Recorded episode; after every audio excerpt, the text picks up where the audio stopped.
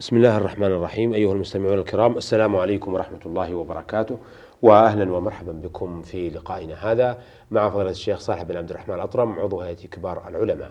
مرحبا بالشيخ صالح. حياكم الله. آه شيخ صالح تحدثنا في لقاء ماض عن الشرك والكفر. آه نود أن نعرف هل يتنوع الشرك والكفر؟ بسم الله الرحمن الرحيم. وصلى الله وسلم على نبينا محمد وعلى آله وصحبه أجمعين. نعم تحدثنا في الحلقة الماضية عن الفروق بين الشرك وبين الكفر وبين النفاق وكل منها يتنوع. بمعنى يتنوع أي تختلف درجاته. فالشرك له درجات. منها ما يصف العلماء بأنه شرك أكبر. وذنب لا يغفر إذا مات صاحبه عليه.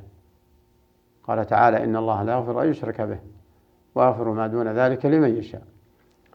وقال تعالى ومن يشرك بالله فمن يشرك بالله فقد حرم قال ومن يشرك بالله فقد حرم الله عليه الجنة ومأواه النار وما للظالمين من أنصار.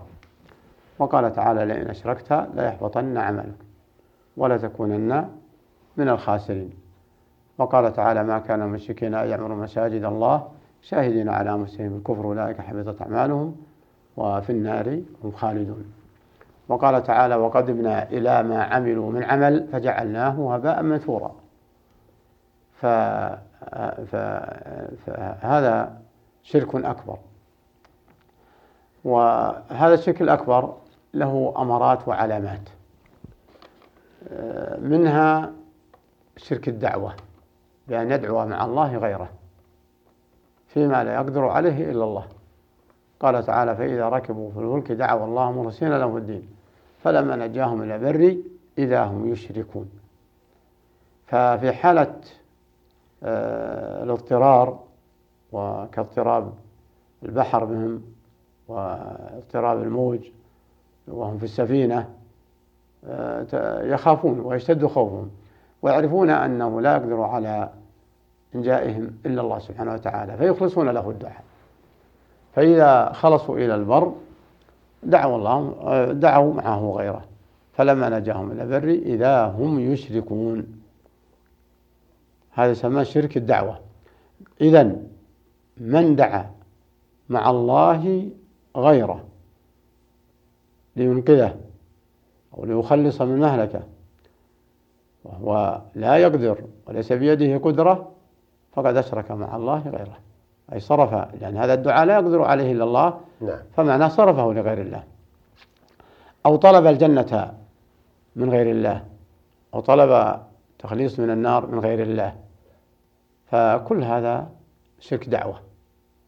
فالواجب أن الإنسان يعرف بأنه لا يقدر على تخليصه من الشدائد من الشدائد إلا الله وأنه لا يجب يدعى إلا الله في الرخاء والشدة. وهكذا واجب من ادعى الإسلام أن يعرف الله في الرخاء والشدة. كما أوصى به الرسول عليه الصلاة والسلام ابن عباس تعرف إلى الله في الرخاء يعرفك في الشدة. وحالة الكفار في عهد الرسول عليه الصلاة والسلام في لجوئهم إلى الله في البحر وإخلاصهم لله في الدعاء وشركهم به إذا نجوا قد يشبهه ما قد يحصل من اضطراب نسأل الله السلامة طائرة في الجو فيصرخ بعض الصارخين بأن ينادي القائد أو ينادي المهندس أو نحو ذلك. من هذا القبيل؟ فإذا كان لم يخلص إلا في الطائرة في الجو ثم إذا هبط إلى الأرض أشرك مع الله غيره ودعا غيره فإخلاصه في حالة الاضطرار لا ينفعه لا ينفعه. فأما النوع الثاني فيسمون الشرك في النية والإرادة والقصد.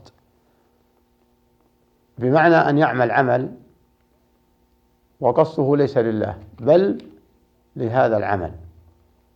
من كما قال تعالى من كان يريد الحياة الدنيا وزينتها نوفي إليهم أعمالهم فيها وهم فيها لا يبخسون. أولئك الذين ليس لهم في الآخرة إلا النار وحبط ما صنعوا فيها أي في الدنيا. وباطل ما كانوا يعملون. فلهذا يجب على من يتسمى بالإسلام أن يخلص النية لله. في جميع أعماله التي هي خاصة لله والتي هي من مصالحه. بل حتى الأعمال التي من مصالحه ينوي بها التقوي على طاعته والأعمال التي هي لغيره ينوي بها طاعة الله في أمره بالتعاون. بأمره بالتعاون. فلا يقول فلا مجال لأن يقول أحد كيف أنوي وأنا سأعمل هذه الحاجة لغير الله؟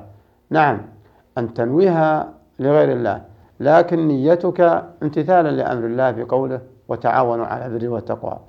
وأنت تع... وأنك تعاونت مع على أمر مباح وأنه ينفع أخاك المسلم.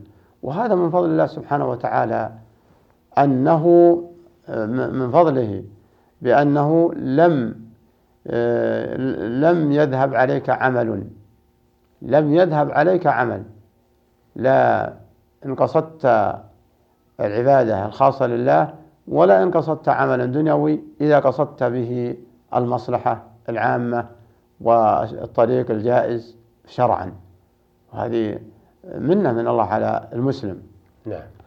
آه، بل حتى في أكلك وشربك وجماعك لزوجتك ونحو ذلك إذا قصدت به العفاف والعفاف أجرت على ذلك كما في الحديث حتى ما يجعله لما قال لما أخبر الرسول عليه الصلاة والسلام بأنهم يثابون على الأكلة والشربة قالوا والجماع قالوا أيأتي أحدنا شهوته فيكون له أجر؟ قال نعم. أرأيت لو وضعها في حرام كان عليه أجر فكذلك إذا وضعها في حلال. نعم. لكن إذا إذا قصد في هذا العمل غير وجه الله. هذا هو الشرك من كان يريد الحياة الدنيا وزينتها يوفي إليهم أعمالهم فيها وهم فيها لا يبخسون. أما الأمور العادية فغاية ما هنالك لا يثاب عليها وقد لا يؤاخذ.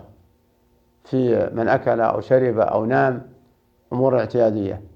هذا يفقد الثواب إذا ما قصد بها التقوي على طاعة الله. كما أنه إذا قصد بها التقوي على معصية الله يعاقب عليها. إذا تعاون بها على معصية الله فإنه خطر من أن يعاقب عليها إلا أن يعفو إلا أن يعفو الله عنه.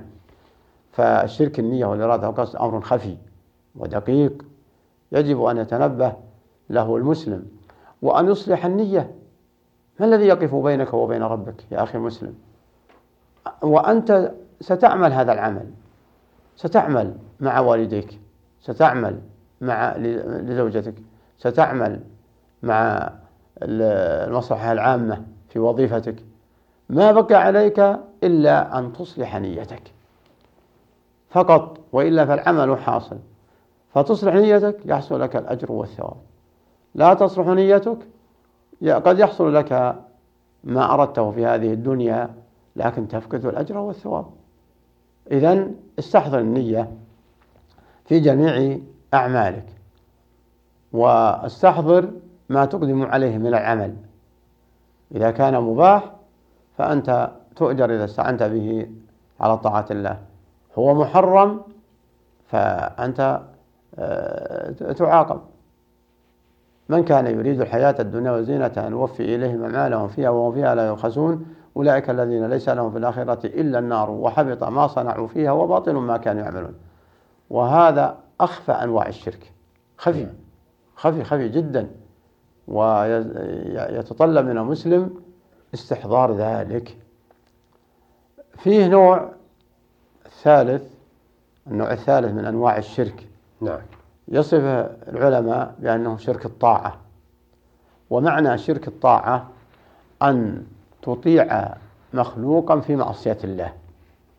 فيأمرك مخلوق أن أن تعصي أن تأتي بمعصية لله فتسجد لغير الله أو تذبح لغير الله أو تنظر لغير الله أو تشرك لغير الله أو آه، تزني وتستبيح ذلك أو تشرب الخمر وتستبيح ذلك.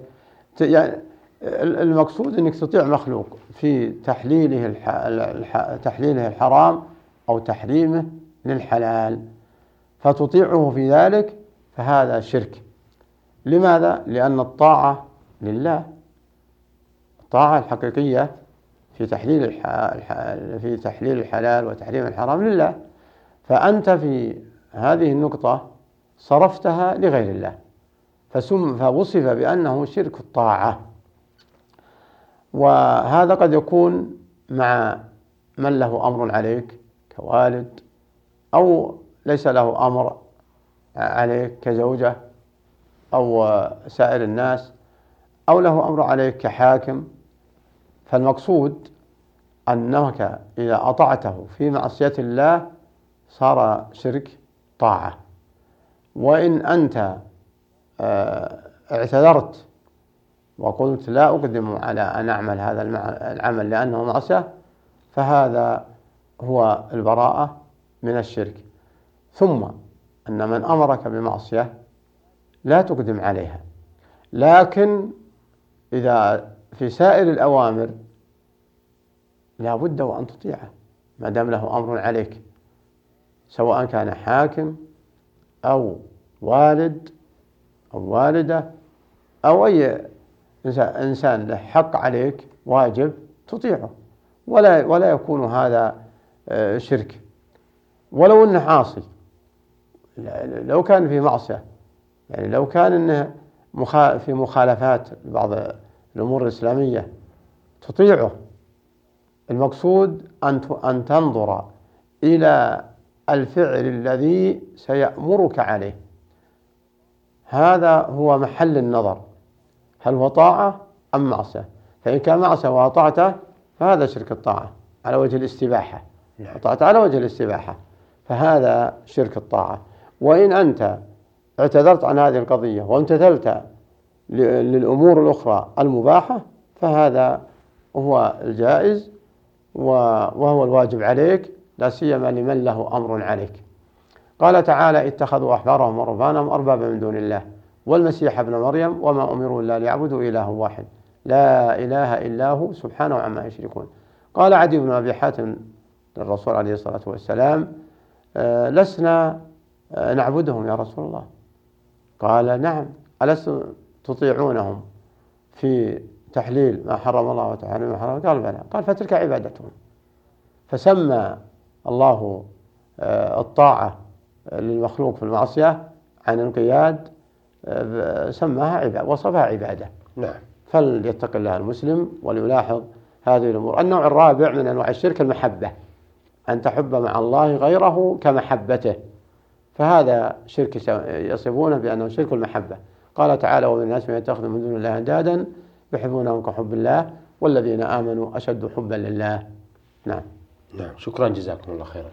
آه، بهذا نأتي أيها الأخوة إلى نهاية لقائنا هذا الذي آه، تحدثنا فيه مع فضيلة الشيخ صالح بن عبد الرحمن الأطرم عضو هيئة كبار العلماء. شكرا لفضيلته وشكرا لكم أيها الأخوة وإلى أن نلتقي بحضراتكم نستودعكم الله والسلام عليكم ورحمة الله وبركاته.